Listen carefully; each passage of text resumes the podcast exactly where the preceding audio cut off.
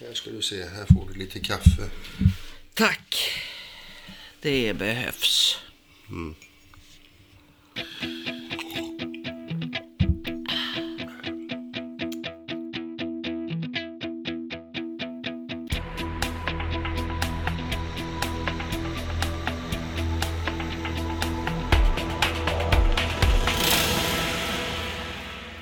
Det här är Peter och Maria. Det här är Peter och Maria. You know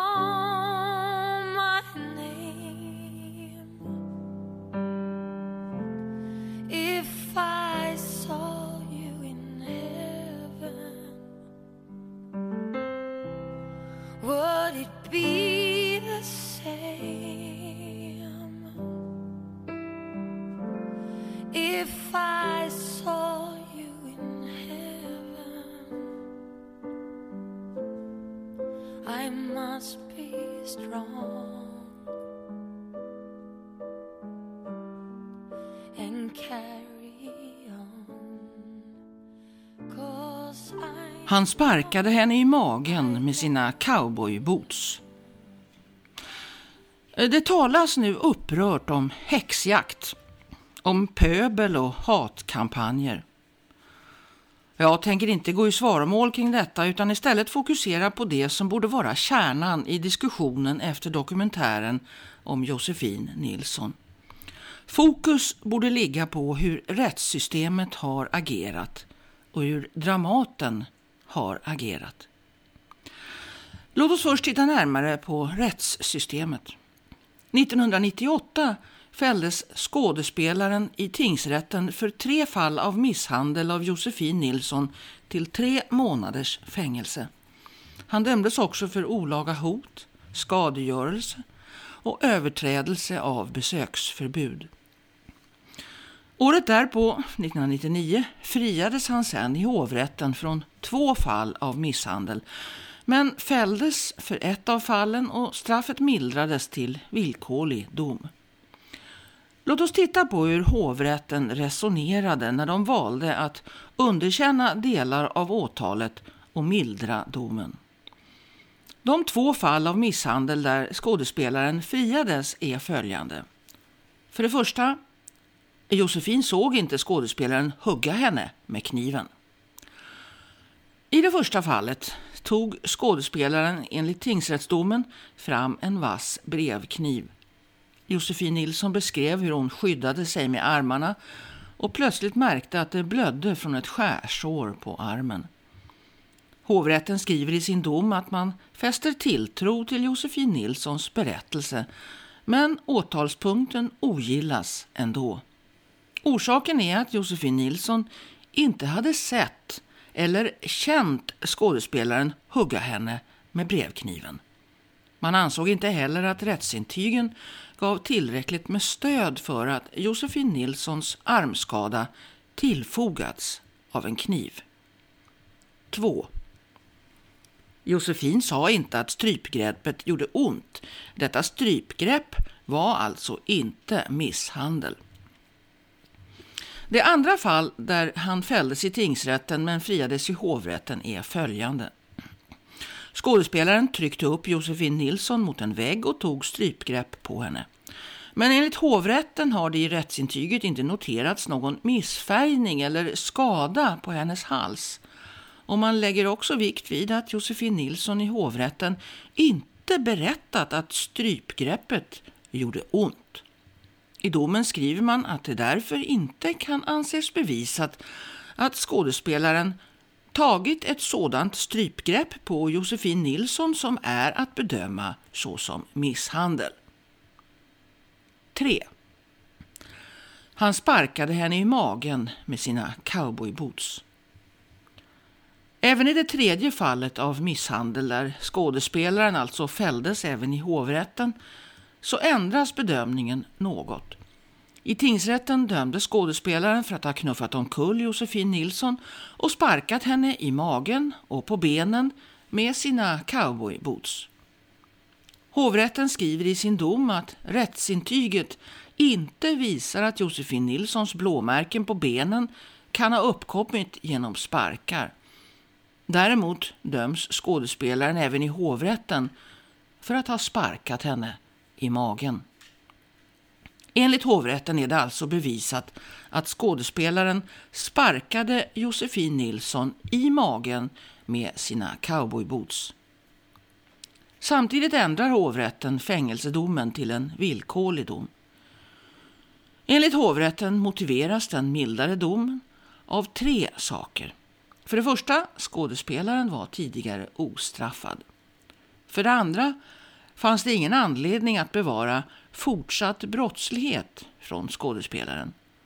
Och för det tredje hade skådespelaren drabbats hårt av den mediala uppmärksamheten efter domen i tingsrätten. Vilka slutsatser kan vi nu dra av allt detta?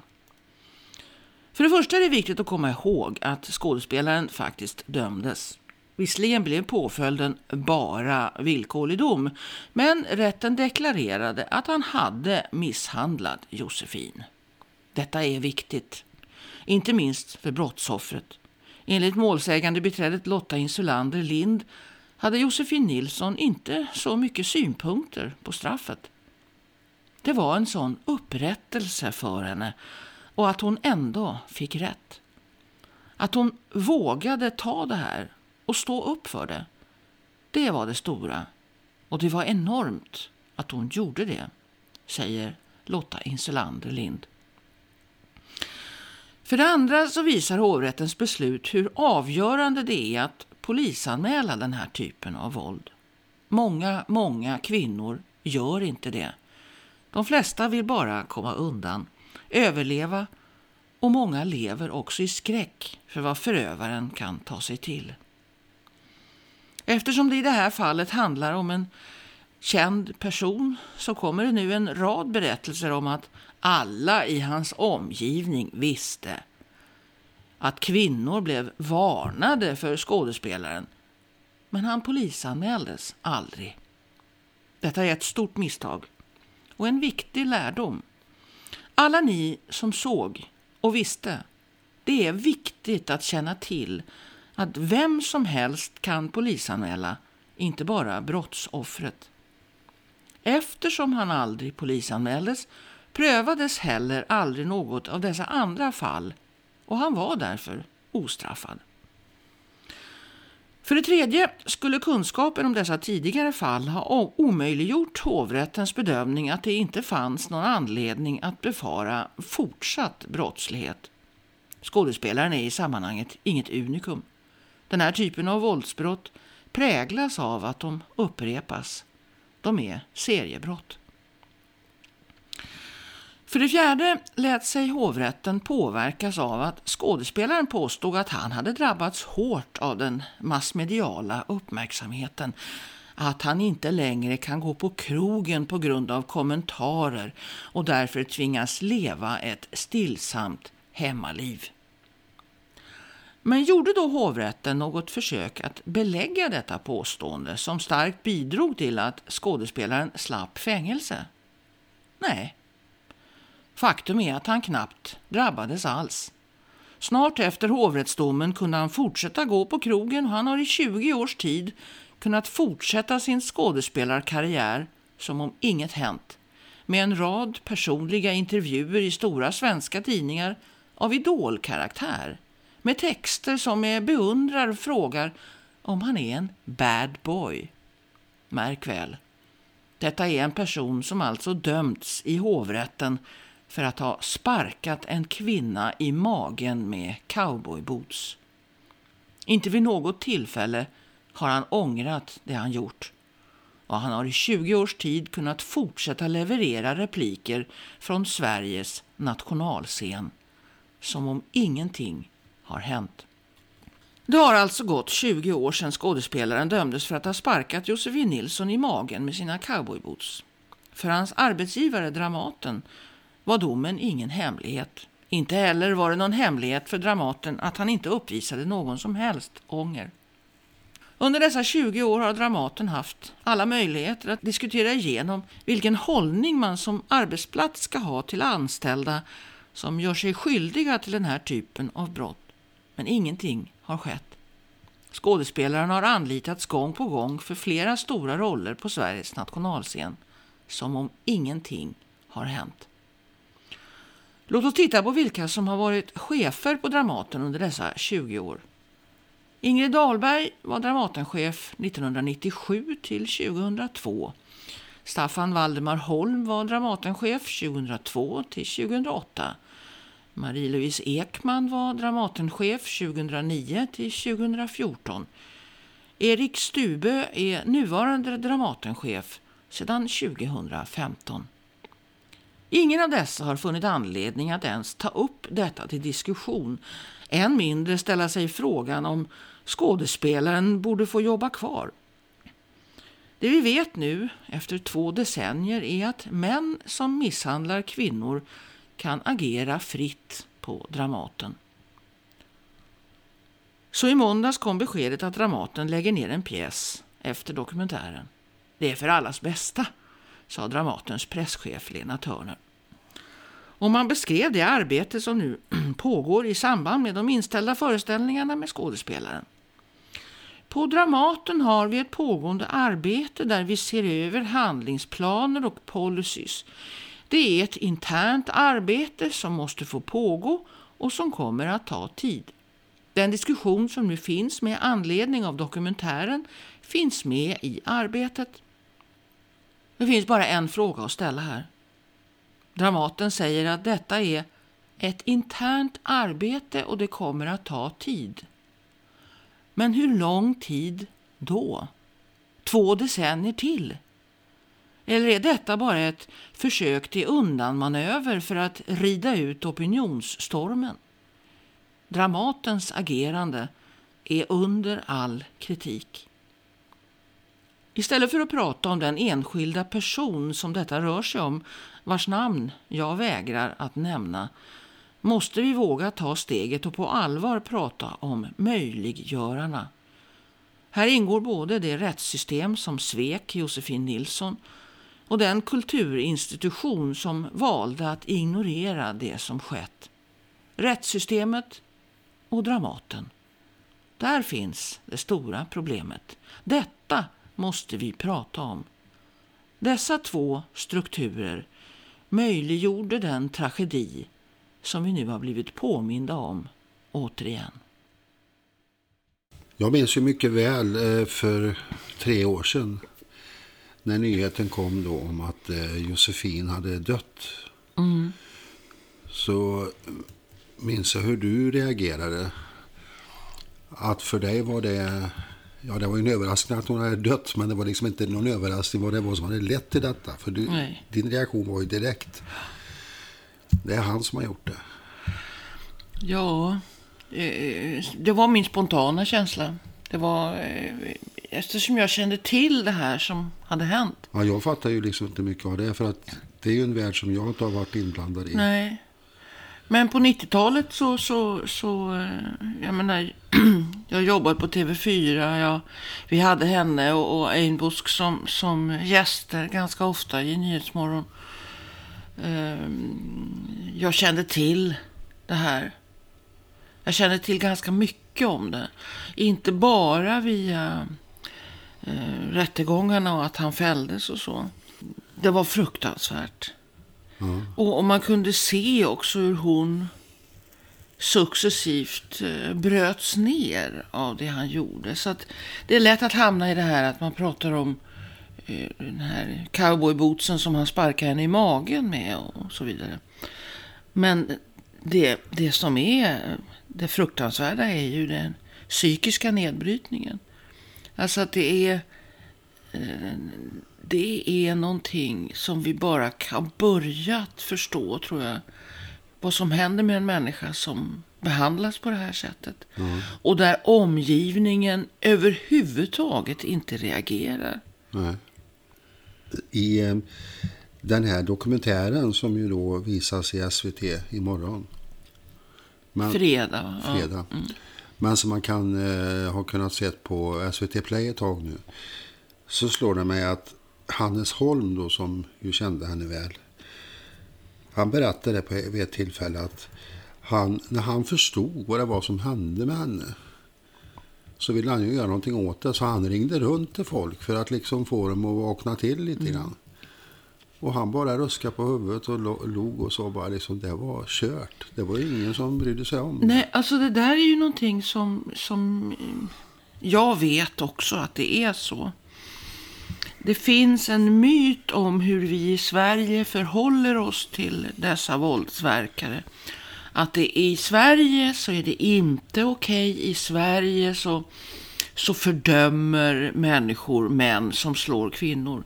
Det är inte sant. Nej, det har Det har aldrig varit sant. Och det, eh, vi är fortfarande långt ifrån att få någon sorts allmänt fördömande av dessa män. Jag, jag kan ju själv bli jätteförvånad över hur svårt det är att nå fram med sånt här. Och jag kan bli jätteförvånad över när vi skriver om det till exempel på Facebook.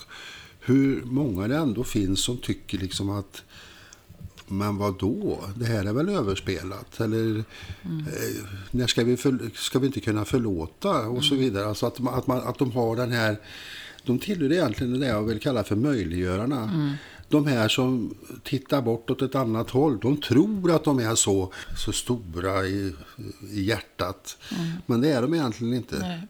Därför att det här handlar ju faktiskt inte om att rulla någon i tjära eller hänga någon i närmaste träd. Det är inte det vi är ute efter. Nej. Utan vi är ute efter att man ska bryta den här förbannade tystnadskulturen som råder. Visst. Alltså, mina erfarenheter visar exakt samma sak. Nämligen att även när förövaren är dömd så tycker omgivningen synd om förövaren. Ja, Om man känner både brottsoffret och förövaren så är det en majoritet som ställer sig på förövarens sida. ja. Och detta är ingenting nytt egentligen för oss som har engagerat oss i de här frågorna i, i decennier. Vi vet att det är på det här sättet och vi reagerar sam på samma sätt varje gång när folk säger sådana här okunniga saker som att i Sverige, där är det minsann inte okej att slå sin fru. Jo, det är det visst. Det är snarare så att om du hör den normala, vanliga reaktionen i Sverige är att om du hör eh, grannarna att han slår henne, då ringer folk till störningsjouren för att de själva blir störda. Just det. De ringer inte till polisen för att undersöka varför han slår henne. Nej, eller knacka på undrar vad fan är det som händer Mm. egentligen. Det, Det gör de ju om man spelar en skiva för högt. Då, då, då bankar de minsann i väggen och säger liksom "Eh, så får skruva ner för vi försöker sova här. Mm. eller klagar. Eller lägger, eller lägger lappar i brevlådan. Ja, det, så, så ser det ut. Fega som Ja, skam. men det, det, jag tror att man ska... Feghet kanske kommer in, men, men det, det avgörande är ju att det här är en kultur som vi lever i. Ja, sen är människor Vi lever- konflikt- Ja, men- Folk är konflikträdda också. Ja, men det, behöver, det räcker, behövs inte att vara konflikträdd. Det här är en kultur. Vi lever i den här kulturen. Hur fostras vi in i den då? Ja, det är ju det är den, den kultur vi lever i. Hur fostras vi in överhuvudtaget i? Hur lär vi oss svenska? Hur lär vi oss det här med att fira jul och, och påsk och så vidare? Det är en del av det vi växer upp med. Ja. Och vi lär oss som barn av hur de vuxna agerar. Vad lär man sig som barn? Jo, det är att om pappa slår mamma så är det absolut ingenting man ska prata om utanför familjen. Det är klart att, att det kanske man automatiskt också känner någon skam. Tror jag. Har jag fel där? Men skam är ju... Ett, alltså ett att man sig- skäms. För ja, man förstår att det här är inte bra, det här är inte rätt. Nej, precis. Och så skäms man över att liksom... Alltså jag tycker det, här är, har jag ju egen, en egen berättelse. Och det är ju att när, när eh, min förövare, mina barns pappa, greps och häktades. Då råkade det sammanfalla med den dag i skolan när min mellanpojke, han gick då i ettan, eh, läraren där hade bestämt att den dagen skulle de ägna åt att prata om barnaga. Och hon försökte då tala om för alla barn att det här är inte okej. Det är inte okej om du blir slagen vem det än är av. Det är inte okej att slå någon annan, någon annat barn heller. Och det ska man berätta, det ska man prata om. Ehm, det är viktigt att ni gör det, sa hon till barnen. Detta berättade hon för mig när jag hämtade honom från skolan den dagen. För hon tittade på mig oroligt och sa ehm, har, har han en livlig fantasi, din pojke? Eh, nej, vad, vad tänkte du på då? Och då berättade hon att när hon hade hållit sitt lilla anförande om det här med att man inte får slå barn så hade min pojke räckt upp handen och sagt Min pappa sitter i finkan för han har slagit mamma. Och hon frågade då mig Är det här sant? "Eh, Ja, han sitter häktad, det gör han. Min spontana reaktion var Herregud, nu kommer han att bli mobbad. Nu kommer han att bli, bli illa sedd av sina klasskamrater. För jag kände precis just det där. Kände, kände Den du att han sa någonting som du ville behålla privat? Det, det, var inte, det var väl kanske också, fanns det också där naturligtvis. Det gjorde det ju. Men min första tanke var, nu kommer han och, och det kommer gå illa för honom i skolan för att de kommer att reagera negativt på, på vad han har sagt. Så jag frågade henne direkt, hur reagerade de andra barnen?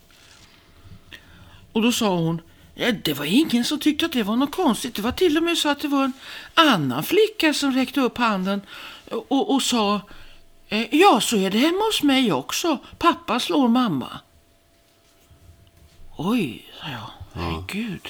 Det var Va, som va, men vad stä, ställde barnen inga frågor då? frågade jag. Jo, det gjorde de, sa, sa, sa hon då. Eh, vad då för frågor, undrar jag.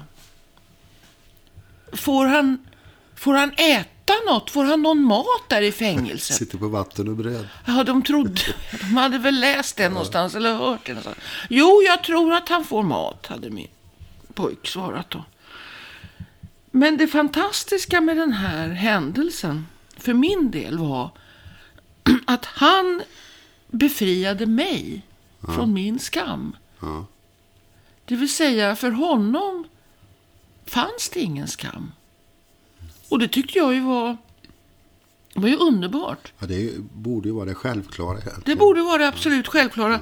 Om det är så att vi försöker trumma i våra barn att de ska lära sig att det aldrig är okej att bli slagen, inte hemma, inte någon annanstans, så är ju steget inte så långt till att man säger det är heller inte okej att bli slagen hemma om man är vuxen. När pappa slår mamma så är det också fel.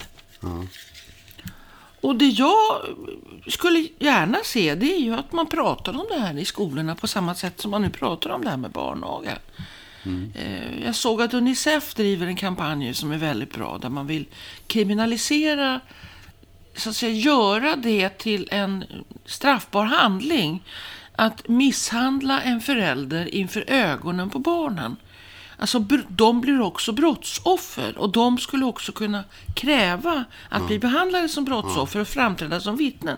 Detta driver Unicef nu och det tycker jag är mycket, mycket bra. Ja, det är ett steg framåt verkligen. verkligen ett steg framåt. Som det är nu idag så finns det ju så att eh, barnen kan få brottsofferersättning. Men det räknas inte som ett brott mot barnen. Det tycker jag att det borde göra. Mm. Men det viktiga här är ju att säga att jag tror att vi står inför ett skifte. Eh, eh, möjligen till och med ett historiskt skifte. Där det är nu dags att vädra ut alla de här unkna ställena, om det är så i Svenska Akademin, Dramaten, TV4 eller någon annan institution av liknande storlek, eller mindre företag, vanliga ställen. Mm. Att säga, det är inte okej att vara tyst. Nej, och de här institutionerna som då har varit väldigt aktuellt här med Svenska Akademin nu och Dramaten och så. Det är ju detta att det, det, blir, det skapas en egen kultur som sitter i väggarna.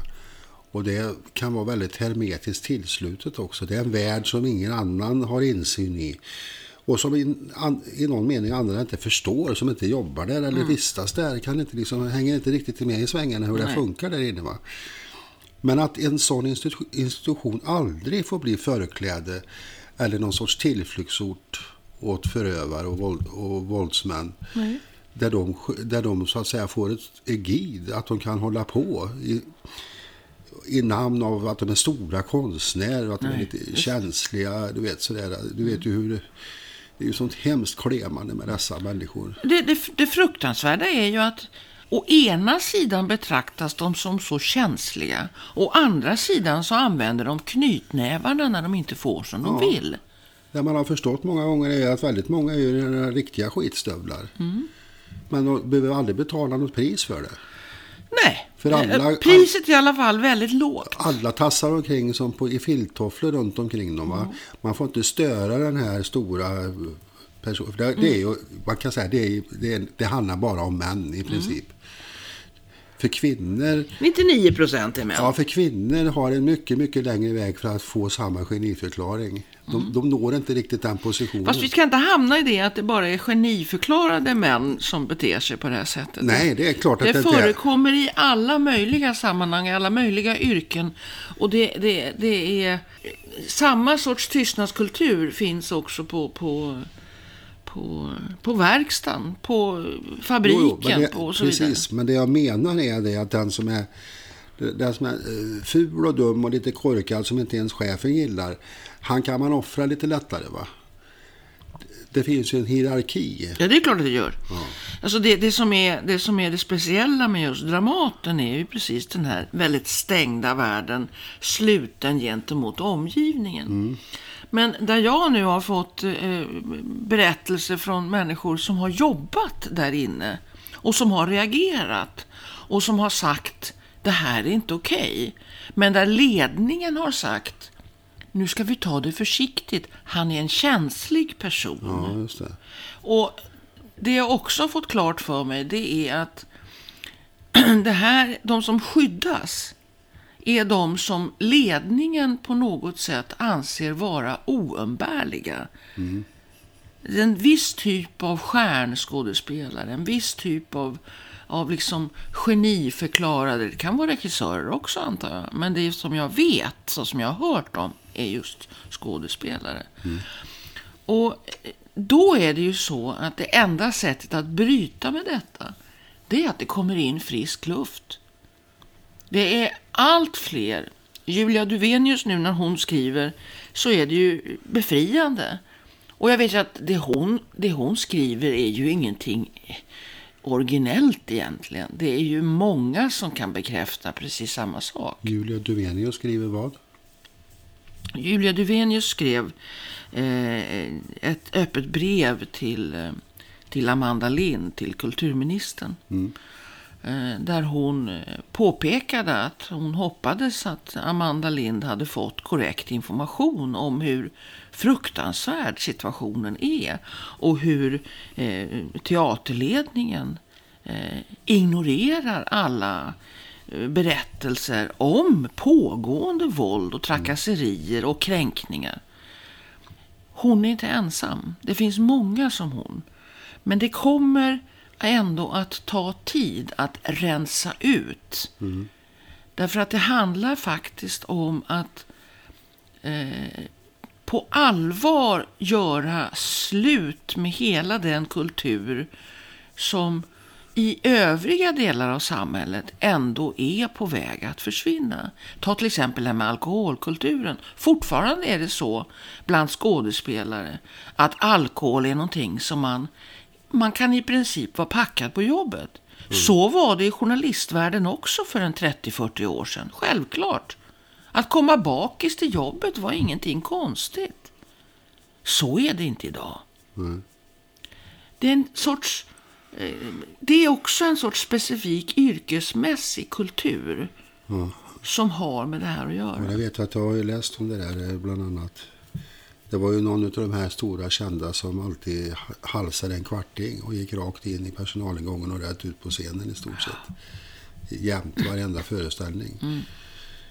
Det är klart att det vore ju fint om det försvann. Men jag menar som den, den eh, person som berättade om när han medverkade i en uppsättning där just den här nu omtalade skådespelaren spelade en roll.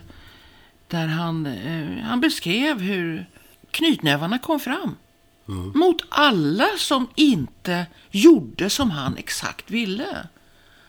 Och han fick då veta av teaterledningen att vi tar det försiktigt med honom. Särskilt när han är berusad. Men kan man föreställa sig ett annat jobb? Där man säger så här att, ja men du vet, eh, eh, han på vaktmästeriet va, han är lite känslig. Särskilt när han har druckit. Så då måste man vara lite försiktig och inte säga något dumt till honom. För då kanske det blir misshandel. Det får man ta. Jag menar, ju man ser, hör ju själv hur bisarrt. absurt Det är det i är. va? allra högsta grad bisarrt. Ja. Det, det är precis som att en del får för sig att det startas någon sorts lynchmobb eller att du vet Jag att, har inte sett den. Den kan ha funnits någonstans som jag har missat. Ja, jag tycker att det ska, kan man inte kalla det för. Men vad som, egentligen har, vad som egentligen har hänt, det är ju inte så att man har rotat fram ett 20 år gammalt fall och, och liksom blåst liv i det. Utan det som har hänt är ju det egentligen att Josefin Nilsson skulle fylla 50 år i år. I då- fredags. Ja, i fredags till och med. Och då gör man en, den här dokumentären som ju var, var planerad sedan tidigare. Och det är ju det som har blossat liv i detta. Så det har aktu aktualiserat den här eh, frågan igen. På något vis. Va? Och det visar ju också på något sätt att det är en del som säger att han har fått sitt straff. Men det här visar på något sätt att i folk, det rättsliga folkmedvetandet så har inget straff ut, utdelats alls. Det finns kvar det här såret. Det är inte alls eh, färdigt. Och de allra flesta har ju inte ens vetat om detta. Nej. Eh, Jag, jag, det slog mig att en anledning till att han fick en mildare dom, det vill säga att han slapp åka i fängelse och dömdes istället till, till villkorlig dom, var att han hävdade att han hade blivit så illa åtgången i massmedia så att nu kunde han inte längre gå ut på krogen utan var tvungen att Alltså, sitta hemma. Nej. Nej, det var... Och de köpte det. Ja, men det förstår jag att det sådana där faktorer måste ju en, en, en domstol ta hänsyn De köpte till. det. Ja. Men frågade de någon gång vad det fanns för saklig grund till påståendet att han hade blivit så illa åtgången i massmedia? Han hade överhuvudtaget inte blivit illa åtgången i massmedia. Han, han nämndes inte. Det pratades inte om honom. Det, det är till och med så att de allra, allra flesta i detta land visste inte om att han hade dömts. Nej. Vilket också visas att han omedelbart efteråt fortsätter att, att ha huvudroller i olika sammanhang, i olika uppsättningar och, och på tv och film och så. Så det är bara nys. Det är bara nonsens.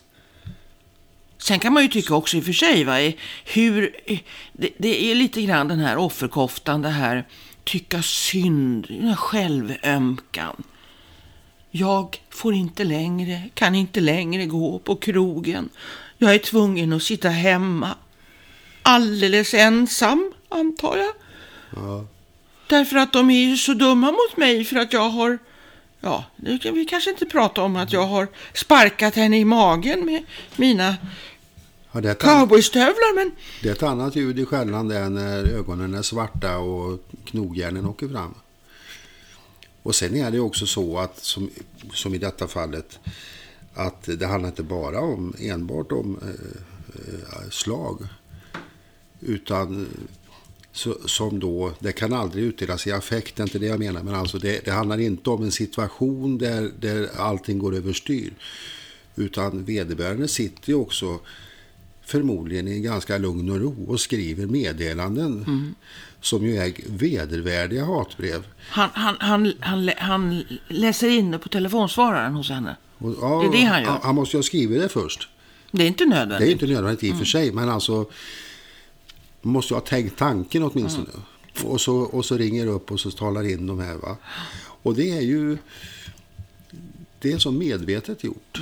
Det är ett val. Ja, Han har valt att agera på det här sättet. ja. Så att det är ju, och jag menar han är ju långt ifrån ensam. Herregud, det finns ju tusentals med exempel på detta. Och det kom ju fram nu också hur, hur eh, inte bara han utan andra, alla visste, säger man. Ja, Alla som var i, i omgivningen visste vilken sort han och de andra, vissa andra, var. Till och med så har jag fått höra att ja, vi som var ute i krogsvängen i Stockholm på den här tiden, vi varnade varandra, säger kvinnorna. Vi sa så här, håll dig undan från honom, vet du. Han, han kan, har inga gränser, han har inga spärrar, han kan ge sig på dig. Av vilken som helst anledning. Det visste alla. Och killarna visste det också. Var det någon som polisanmälde honom? Nej. nej. Och där har du ett av de stora problemen. Eftersom han aldrig polisanmäldes. För alla dessa gånger när han gjorde saker innan det här med Josefin Nilsson hände.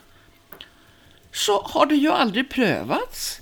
Och han är därför, var därför tidigare ostraffad. Så han kan nu eh, i så att säga, den officiella historiken framstå som en människa som har gjort en dum sak en gång. Men så ser det inte ut. Och vi vet ju också att den här typen av män är serieförövare. Ja, ja. Bajsar björnen i De, skogen. ja, de går från kvinna till kvinna och slår sönder deras liv.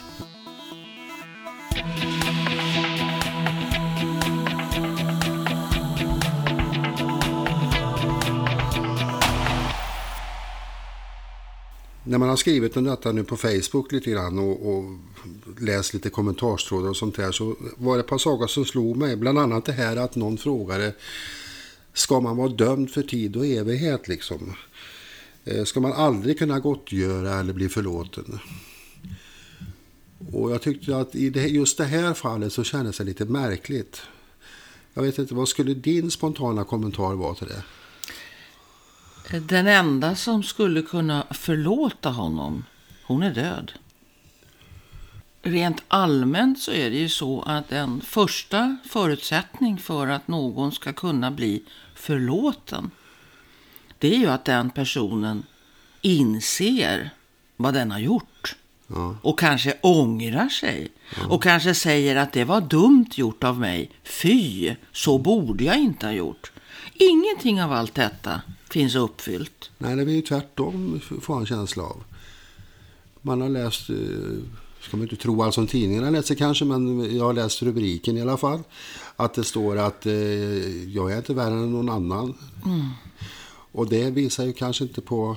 Nej, nej, han har, finns ingenting av ånger. ånger. Finns ingenting av ånger hos honom. Han har eh, överhuvudtaget aldrig någonsin vad jag vet sagt någonting som visar att han Nej, vi vet. förstår att det han faktiskt till slut ändå dömdes för, nämligen att ha sparkat henne i magen med sina cowboyboots. Ja. Att det kanske inte var eh, någonting som han borde ha gjort. Nej. Men det, alltså det här med förlåtelse är ju också mycket, mycket speciellt. Därför att den, de enda som har rätt att förlåta någon, det är ju de som har blivit utsatta.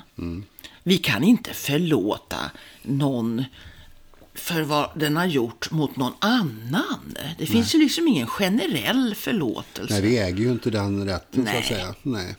Och så man ska också komma ihåg det tycker jag att, att begreppet förlåtelse är ju lite speciellt. Va? Därför att det man egentligen gör är att svara på en fråga från den som vill bli förlåten. Det vill säga i det här fallet den här skådespelaren.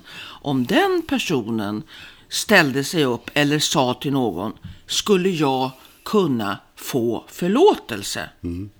Då har vi en situation där i det här fallet ingen kan ge honom den. Nej. I den meningen så är det han har gjort numera oförlåtligt. Men det är också så att när man ber om förlåtelse, det här är ju många som missar tycker jag. De säger så här, ja men förlåt då. och tror att då har de fått förlåtelse. Men så är det ju inte. Nej. Du ber om förlåtelse och så kan du få det. Inte i det här fallet, det går inte. Men du kan be om förlåtelse och i andra sammanhang och du kan få det. Eller också kan den som har rätten att ge det säga Nej, jag finner inte i, i mitt hjärta utrymme för att ge dig förlåtelse. Och då, då är det inte så att det är den som inte vill göra det som gör något fel. Utan då är det helt enkelt så att det här var oförlåtligt. Och allt, det finns väldigt mycket dumt sagt om det här med förlåtelse. Att man, ja men det är klart man ska förlåta och det är klart man ska göra det för att kunna gå vidare och så vidare. Och så vidare. Det är är- dumheter. Ibland kan man också fråga, vad är det man ska förlåta då? Alltså, tala, jag skulle vilja veta, vad är det vi ska förlåta i så fall? Vi, vi omkringstående så att säga har ingen som helst rätt att ge förlåtelse för vad en person har utsatt någon annan för. Nej. Det är så otroligt viktigt. Om man säger så här, då, vad, ty, vad tycker du att, att den här eh, allmänna reaktionen som nu ändå har kommit, att den vittnar om? Allmänna reaktionen, du menar den här starka känslomässiga Ja, för att det är reaktionen ju ändå över... liksom, folk rasar ju Ja, överallt. visst, visst. Jag tror att det beror på att folk inte har vetat om det. Det vill säga, det som händer nu, det är att när tystnadskulturen krackelerar, när vi inte längre lägger täcket på, när de här snubbarna inte längre kan gå under radarn, utan hela eländet syns, då reagerar människor fullständigt naturligt. Det här är för jävligt. Det är, en, det är en helig vrede kanske man kan Ja, kalla det. det, det skulle jag säga att det är. Och jag har ju full förståelse för att eh, folk eh, reagerar väldigt starkt och väldigt känslomässigt och väldigt personligt mot honom. Men för min del så är det ju så här att den stora viktiga frågan nu det är ju alla de som har stått runt omkring och möjliggjort att han har kunnat bete sig så här, att han har kunnat fortsätta bete sig så här, att han i någon mening har fått inte fått ett straff utan fått lite beröm. Va? Han har blivit intervjuad i med dyrkande porträtt i olika eh, tidningar där det liksom antyds någonting. Va? Är du inte lite grann av en bad boy? Ja, du är en busig Ja, pojke. lite busig sådär. Du är lite, det, vi vet ju, det finns rykten om att du inte tar liksom vad som helst, utan att då kommer det fram. Va? Mm. Alltså, ungefär som om det är någon sorts, han är någon sorts superkille. Jättehäftig Då kan man säga snubbe. så här, vad fan är det för stil? Tänk om vi skulle göra så i alla sammanhang. Ja, Du kan ju föreställa dig till exempel om det var en kvinna som, hade, som hade dömts för att ha sparkat någon med sina eh, cowboyboots i magen. Ja. Man har sagt, är det inte lite grann av en bad girl här ändå? ja, lite sådär, eh, jäklar anåda. Nej, utan det handlar så otroligt mycket om den, den manliga kultur som sitter i väggarna, inte bara på Dramaten eller på Svenska Akademin eller någon annanstans, utan som sitter i vartenda jävla hus i det här landet. Du- du- Mer eller mindre.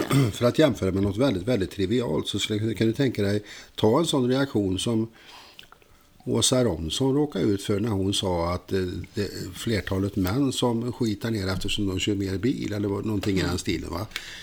Då blev ju hon i princip eh, landsdriven ur landet därför att hon var en sån fruktansvärd människa och hatstormarna ville aldrig ta slut i kommentarsfälten. Här är det helt tyst. Totalt Det är ju ganska intressant också. De vanliga dreven, de vanliga hatsajterna, där liksom SD är anknutna på olika sätt och NMR och så vidare. Det, det, man hör ingenting därifrån. patetiskt är det. Det är liksom... Och det är de jävlarna som klär ut sig till Soldiers of Odin och ska gå ut och försvara den svenska kvinnan. Va? De kan skita ner sig och äta lite grus som vi säger här i Skaraborg. Jag tycker det är patetiskt. Ja, det är patetiskt. Ynkliga kräk är vad de Men är. det passar inte deras agenda. Nej, det gör det inte. Och det är så avslöjande och de förstår inte det själva hur avslöjande det är. Därför att det här angår inte dem. Liksom. Det berör inte dem alls. För det, Men, men mitt problem är att, att de eh, avslöjar sig, men det gör de å andra sidan nästan hela Ja, tiden. men på, allt, med alla, på alla områden. Det som blir tydligt också, det är att det finns, fortfarande finns mera normala män, om man säger, som, som yttrar sig på ett sätt och uttrycker sig på ett sätt som visar att när det, när det är skarpt läge, då är det broderskapet som går först. Alltså det är så tydligt att ganska många inte reagerar, de är inte så jättemånga, men de finns, reagerar inte på vad som kom fram i, i dokumentären, utan på det de kallar för pöbel och hetsjakt och ly- lynchjustis och folkdomstol och så vidare. det finns ju en annan som verkligen har förvånat mig där, måste jag ju säga. Mm, Vilka tänker du på? Hasse Aro tänker jag på till exempel. Jag blev mycket, mycket förvånad. Jag trodde att han var en omdömesgill eh, människa, men det måste jag säga att här ska du skämmas Hasse. Men det är ett, det här är samtidigt på ett paradoxalt sätt bra. Därför att om vi gör det här till en fråga om vissa enskilda personer, män, som är psykopater eller sjuka i huvudet eller galna eller hur vi nu vill beskriva det. Va? Och de är ingen som ställer sig, som stöder dem och de blir alltid ostraserade, de blir alltid urdrag, utpetade ur gemenskapen och så vidare. Det är ju den mytiska självbilden om hur det fungerar i Sverige.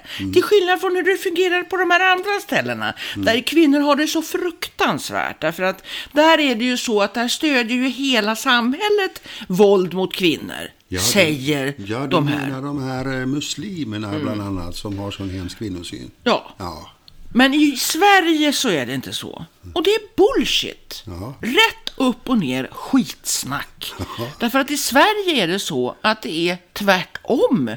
Männen som begår de här handlingarna, som till och med när de är dömda blir försvarade på sina arbetsplatser.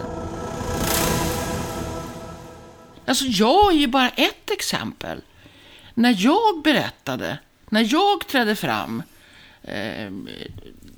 ett drygt år efter att, eh, eller snarare var ett halvår efter att min förövare hade blivit dömd, så hamnade jag i den, för mig då, fullständigt paradoxala situationen att facket på mitt jobb ställde sig på hans sida.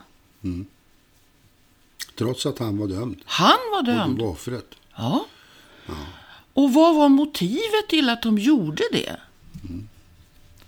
Jo, och det här är så löjligt och så pa- patetiskt så att det är liksom osannolikt. Han är kortare än jag. Oj, Ja, det är några centimeter.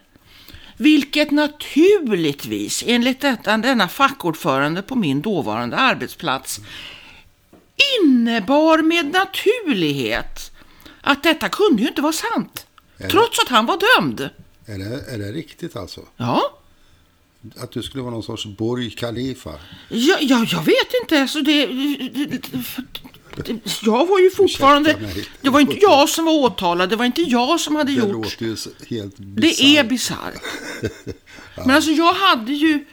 Det var ju, här var ju ingenting som någon sa to my face. Nej. Utan jag hade ju ändå folk som, som gillade mig och som så att säga, stödde mig. Va?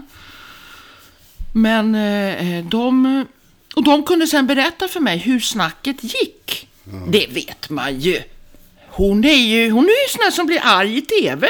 Hon är inte lätt, vet du. Hon är inte lätt att, att leva med. så att det, det finns. Det finns ja, det vet jag. Han är dömd, ja, ja, ja, men ändå. Det är bara... Sen vet du ju att du har fått höra det här underbara uttrycket. eh, It, takes two to tango. Där, när jag fick höra det första gången, och det var en gemensam eh, vän Vi hade ju gemensamma vänner som det par vi var. Det där uttrycket när det kom första gången så tänkte jag, hörde jag rätt? Ja. Han är dömd. På vilket sätt har jag deltagit i den tangon? Vill du påstå att jag har slagit honom också? Ja. Jag kan säga det att där var det flera stycken som, som jag eh, avvännade IRL, som det Det är heter. stötande minst sagt. Ja, långt före Facebook så kunde man ju avvänna folk. Ja, det, var, det är ju man, underbart. Mm. det var lite mer påtagligt att man fick göra det i IRL som sagt var. Men jag, jag tänkte på att det där är ju väldigt vanligt i, ta det med mobbing till exempel. Ehm, någon blir slagen och så säger någon så här, bråka inte nu pojkar. Vadå bråkar? Det är ingen som bråkar. Det är en som misshandlar en annan. Ja, precis. Vad- Håll, sams nu! Ja, nu håll sams sams, nu! pojkar. Här står det en stor buse med en stor jävla klubba och står och bonkar på någon som ligger på marken. Då går man fram och säger så här, hörni, nu, nu ska man vara sams. Man ska inte slåss. Nej. "Ja, Jättebra, säger han som ligger ner och blir, och blir misshandlad. Nej, alltså vi måste alltid börja med att, att säga, reda ut vem som är förövare och vem som är, Och- vem som är brottsoffer. Och, och det går till och med så långt tycker jag så att om nu den här killen, för det, det är oftast killar, fast det är inte bara killar, men alltså just, eh, jag säger det i alla fall, för jag, har- jag har själv varit ute för det, eh, får stryk gång efter annan va. Mm. Och sen plötsligt får nog en gång och reser sig upp och slår tillbaka. Mm. Då jävlar. Hörru du! Så det gör man inte. Då är det liksom Du tänker på när du blev mobbad i skolan? Ja, Mm. så fruktansvärt gjort av dig. Liksom, att, då får jag all skit. Va? Mm. Det, och det där tror jag är otroligt vanligt. Ja, ja, visst. Vi låter förövaren hålla på hur länge som helst. Och får han då till slut en smocka tillbaka, då är det det som är Mm. Ja, anmärkningsvärt. nej, visst. Men det, alltså det fascinerande eh, för mig, om jag nu berättar om min historia, är ju det som hände mig eh, eh, ett par, tre år efter att jag, eller något år efter att jag hade gått ut offentligt och sagt att jag hade blivit eh, misshandlad av min eh, ex-sambo och att han hade dömts för detta. Eh, ett par år senare så eh, satt jag i parlamentet i Bryssel och blev uppringd av en researcher på TV4 på Nyhetsmorgon. Där jag ju började 92. Så att jag hade ju liksom, jag menar jag kan TV4 Vi är utan och innan. av- av- One of the founding fathers, är. Founding mothers, Mothers. kanske. Eh, Då var det så här att en, en, en officer i, här i Västergötland hade blivit dömd eh, för att ha misshandlat sin, sin hustru. Eh, Och det uppstod en stor diskussion kring vilket ansvar det svenska försvaret hade som arbetsgivare för honom och hans agerande. Och det blev en jättediskussion kring detta. Eh, Då blev jag uppringd av en researcher på TV4 som undrade om jag ville komma till morgonsoffan och eh, prata om detta utifrån mitt engagemang för, för eh, de här frågorna. Och jag satte nästan kaffet i vrångstrupen. Ja. Hörru du, vet du vem du pratar med? Nej, det så sa jag faktiskt inte. Jag bara kände så här att okej, jag kände inte igen hans namn, han som ringde. Eh, Så jag tänkte så här att han vet inte hur det här ligger till. Jag träffade min då alltså ex-sambo just på Nyhetsmorgon och han jobbade kvar där. Så jag sa till den här researchen direkt. Du, eh, du är ny där va? Ja, jag har bara jobbat här några veckor, en månad. Okej, då, då förstår jag. Eh, vet du vad jag tycker att du gör, säger jag till honom då. Jag tycker att du går till eh, dina kollegor på redaktionen och så eh, berättar du att du har ringt till mig och frågat mig om jag kan sitta med i morgonsoffan och prata om de här frågorna. Och sen så kollar du vad de svarar och sen återkommer du till mig. Okej? Ja, visst, sa han. Klick. Så ringde det igen efter en halvtimme. Och då var det han. Och det första han säger är Jag hade fan ingen aning. Jag visste inte ett dugg. Är det så det är? Okej, ja, men då... Ja, de sa bara, nej för he- helvete, henne kan vi inte ha här vet du. Det går inte, det är omöjligt. Och sen så avslutar han med, men du ska veta det, jag röstade på dig faktiskt. Alltså, ja. Men det är alltså så det ser ut i praktiken. va? Så att jag skulle säga det att de som eh, nu träder fram som Julia Duvenius och som andra som, som eh, Karim eller, eller vad heter han nu igen? Alling. Alling. Morgan. Jag tycker att det är, de ska ha verkligen sån otroligt total respekt och heder för det de gör. Därför att det kan påverka deras karriärer. Ja. Därför att brödraskapet, vi ska aldrig underskatta brödraskapets betydelse och, och roll. Va? Därför att väldigt många killar har inte själva betett sig så där illa. Men en del har gjort saker som de kanske inte riktigt tycker är så där jättekosher. Och det gör att de i trängda lägen solidariserar sig med förövarna.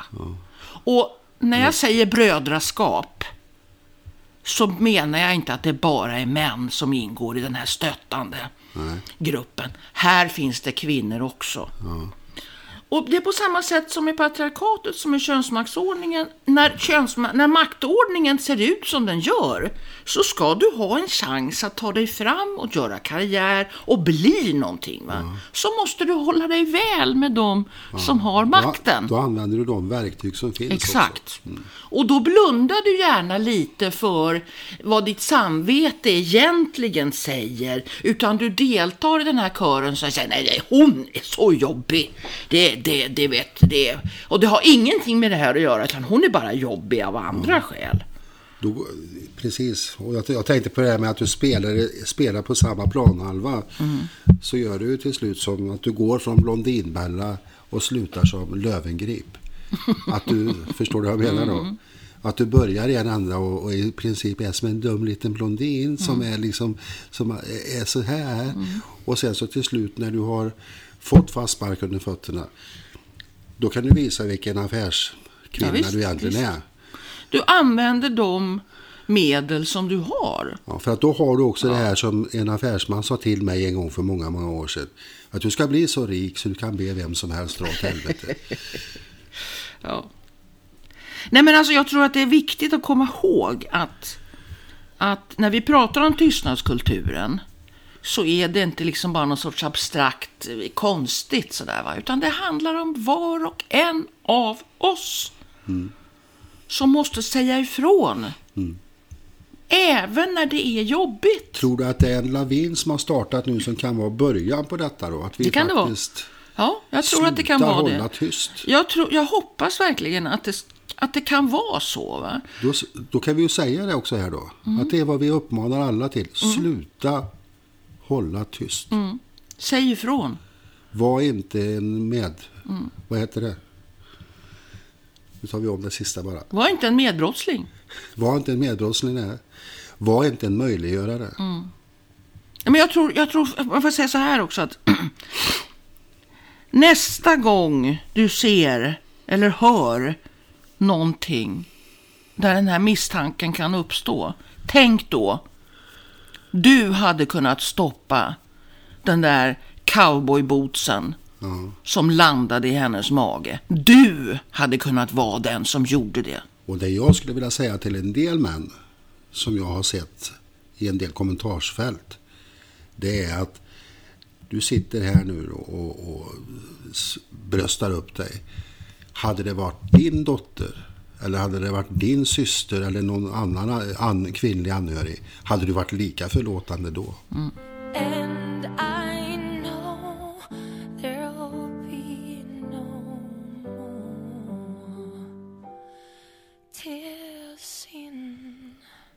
Vid Närsholmen på Gotland går några människor i resterna av sitt liv. De tittar ut över det vatten som slukat upp partiklarna av hon som en gång fanns. I en fjärran teatersalong, långt från deras öron, rungar applåderna ytterligare en gång för kvällens bejublade föreställning. De hör inte klirren från glasen. De befinner sig långt från ryggdunkarna och de svärmande rubrikerna. De befinner sig i tystnaden. Men det är en annan tystnad än den som tog deras älskades liv. Jag har bott vid en landsväg i hela mitt liv och sett människor komma och gå. Jag har sett skördarna gro på min torva i ro medan storkarna byggde sitt bo. En skånsk eh, kommunledning har ju hamnat i hetluften igen. De gör ju det ibland. Första gången var ju Staffanstorp och nu är det Skurups tur. Det var ju så att jag skrev i en tråd att eh, om ingen redan har gjort det så kan jag tänka mig att personligen polisanmäla dem. Men nu slapp jag det. Därför att det var någon som förekom mig på den punkten. Och det Ja. kanske du kan berätta lite mer om. Ja, det var Toivo Jokala på, Eh, han är chefredaktör på Arbetaren som, som eh, kontaktade mig och sa att han eh, ville dra ihop några som kunde göra en polisanmälan mot de som hade polisanmält de här 17 ensamkommande flyktingbarnen. Och till slut så blev det jag, eh, Toivo och Johan Berggren som är chefredaktör på Ordfront magasin. Eh, och bakgrunden är att eh, den politiska ledningen i eh, Skurup ansåg att det fanns ett antal ensamkommande barn som hade, ja, de anmälde dem för bidragsbrott. Eh, för att de enligt då dessa politiker hade ljugit om sin ålder. Och Vad pratar, därmed... om, vad, vad pratar vi om för ålder? Ja, alltså det, det paradoxala är att det här är då, ingen av de här barnen är över 18 år. Det är till och med så att en av, ett av de här barnen eh, fick sin ålder nedskriven från eh, 13 till 11. Så att den pojken är nu idag 11 år. Men det avgörande var alltså att de polisanmäldes för bidragsbrott. Det vill säga de skulle ha fått bidrag som de då hade orättmätigt tillskansat sig. Det visade sig då att de här barnen hade inte fått några bidrag utan det var de eh, så att säga familjehem och andra strukturer som, där de bodde som hade fått tillgång till de här pengarna. Barnen själva hade inte fått några pengar. Det är inte det en ganska orimlig tanke att de eh, på något sätt skulle känna till förfarandet med hur man söker bidrag och, och, och få, få till det på orättmätiga grunder och så vidare. Ja, det, det, det finns mycket som är mycket konstigt i detta. Det är en, en, en eh, själva grund, grundlinjen från, från eh, politikernas sida är en hållning som egentligen är sverigedemokratisk. Och det blev också tydligt att Sverigedemokraterna på sin officiella Facebook-sida gick ut och sa att ja, nu har åklagaren lagt ner, men vi ska minsann se till att de åker dit ändå. Sa Sverigedemokraterna. Men Men, det förstår- det som är i Skurup är ju att det här har nu blivit en moderat politisk fråga också. Ja, men de står ju varandra väldigt nära vad jag förstår. I delar av Skåne är det helt uppenbart så att de är, står varandra, inte bara organisatoriskt i den meningen att de samarbetar, utan de ser också ut att stå varandra väldigt nära rent ideologiskt. Ja. Det är egentligen två grenar på samma träd. Ja. Ja, det är. Men det, att det, det som är alltså då, eh, så att säga, det kan ju låta märkligt det här att man polisanmäler en polisanmälan. Men det är alltså ett av de eh, brott som i brottsbalkens 15 kapitel de kallas för sanningsbrott. Där finns sånt som mened, att ljuga i en rättegång eh, och så vidare. Det finns en hel rad sådana så kallade sanningsbrott. Men som handlar om att någon ljuger om någonting. I paragraf 6 så eh, beskrivs det brott som eh, i det här fallet hand, eh, det det handlar om i det här fallet och det är då falsk angivelse. Falsk angivelse. Ja. Och om man läser eh, vad som stadgas i den här sjätte paragrafen så står det så här. Angiver man oskyldig till åtal med uppsåt att denne må bliva fälld till ansvar dömes för falsk angivelse till fängelse i högst två år. Eller om brottet är ringa till böter eller fängelse i högst sex månader. Det här, detta är alltså ett brott som, Låter hyfsat allvarligt. ja det är allvarligt. Två års fängelse. Men, och eh, är det, är det inte ringa brott så är det fängelse. Mm. Blir man fälld så får man fängelse för det här.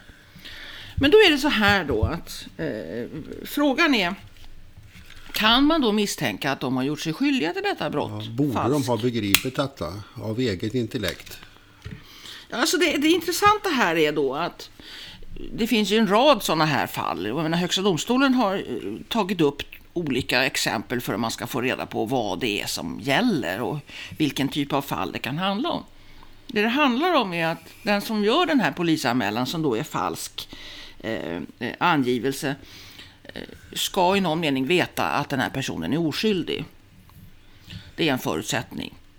Den ska också vara, anmälan ska vara någorlunda allvarlig. Det ska liksom inte vara någon sorts skämt. Och det ska finnas en risk att någon faktiskt tror på vad som sägs. Och det får man väl hoppas att politikerna i Skurup tror.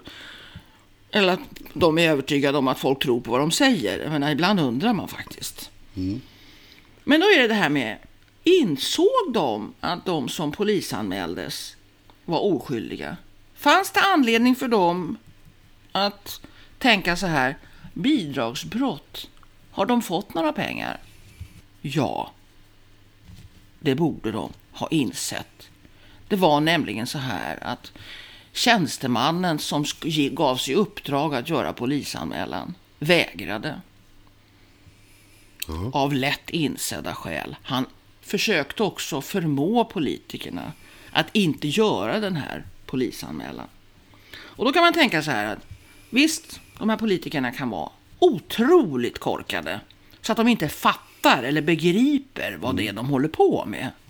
Vi ger ett utrymme för att det faktiskt Det kan vara ju så. så. Ja, Som en rimlig... ja, eller också att de är cyniska och uh, verkligen fattar vad de gör men skiter i det. Ja, det, låter, också Mm. troligt. Det är nog båda två skulle jag tro. Men då är det så här. Frågan om vad dessa politiker trodde, den är inte avgörande. Det räcker nämligen att det finns en skälig anledning att anta att den som polisanmäls är oskyldig. Och det är verkligen uppfyllt med råge i det här fallet. De har alltså tjänstemän som säger gör inte det här. Va? De har inte fått några pengar. Skulle man med utgångspunkt från det kunna säga att de sitter lite på fisens mosse i det här fallet? Ja, så nu vad jag förstår så har Johan Bolinder som är en av dem som vi då formellt har, har polisanmält påpekat att det är ju inte han formellt som har gjort själva polisanmälan. Det är fullständigt irrelevant.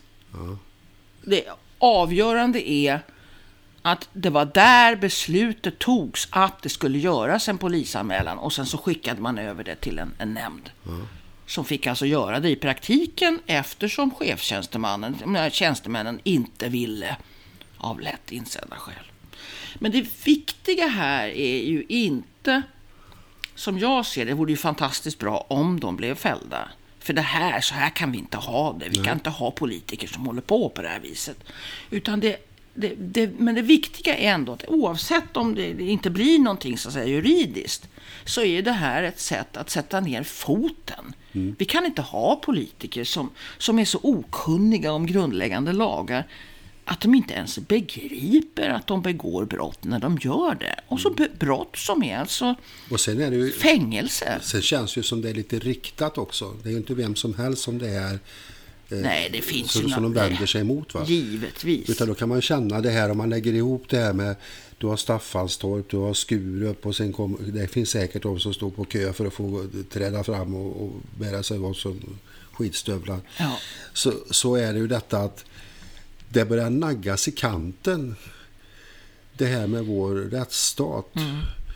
Och för, vårt förhållande till människor som söker vårt egid och faktiskt Ja, alltså det är inte, inte bara är det, svenskar det den är inte bara det att de skiter i folk som de vill ha ut.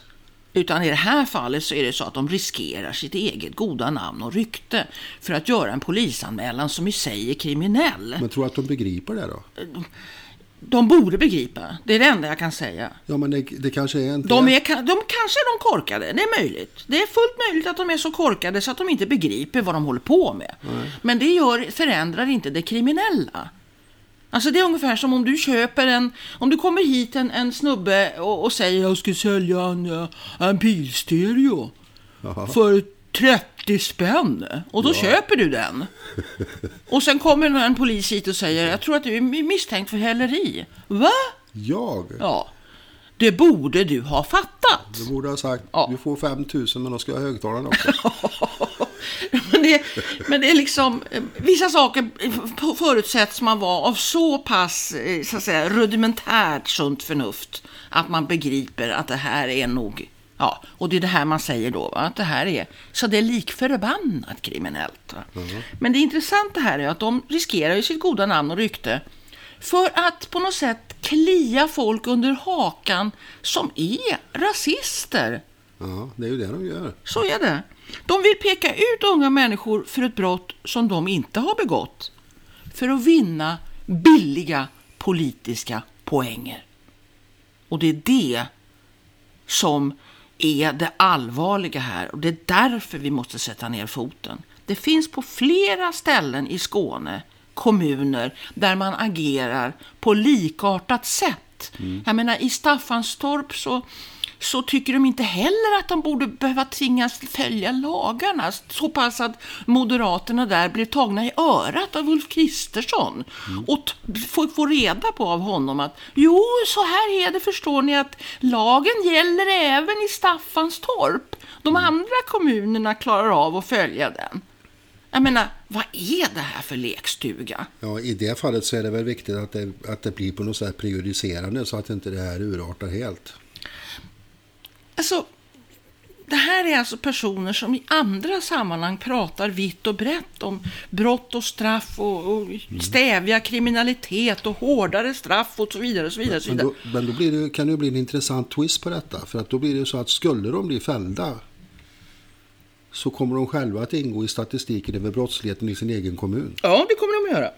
Men å andra sidan så vet vi ju det att när det gäller den här typen av politiker som agerar på det här sättet, som agerar på det här populistiska, rasistiska viset, så är det som att ingenting biter.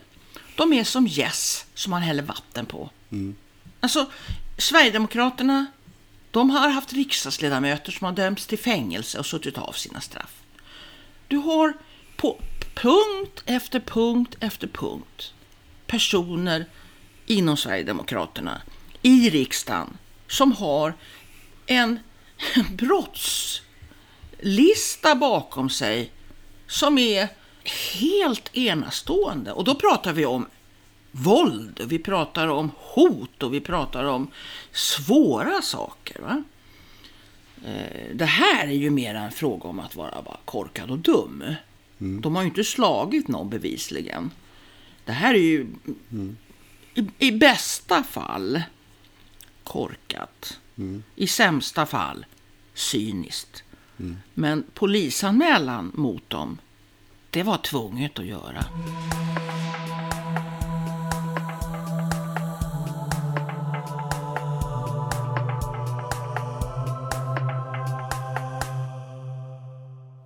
Jag som skryter med att jag på mitt särskilda sätt öppnar armarna för livets glädjeämnen finner ingenting annat i dem än vind när jag ser efter noga. Men än sen, vi är vind, rakt igenom. Det skrev Michel de Montaigne 1485. Vi hörs nästa vecka. Spring och skrik.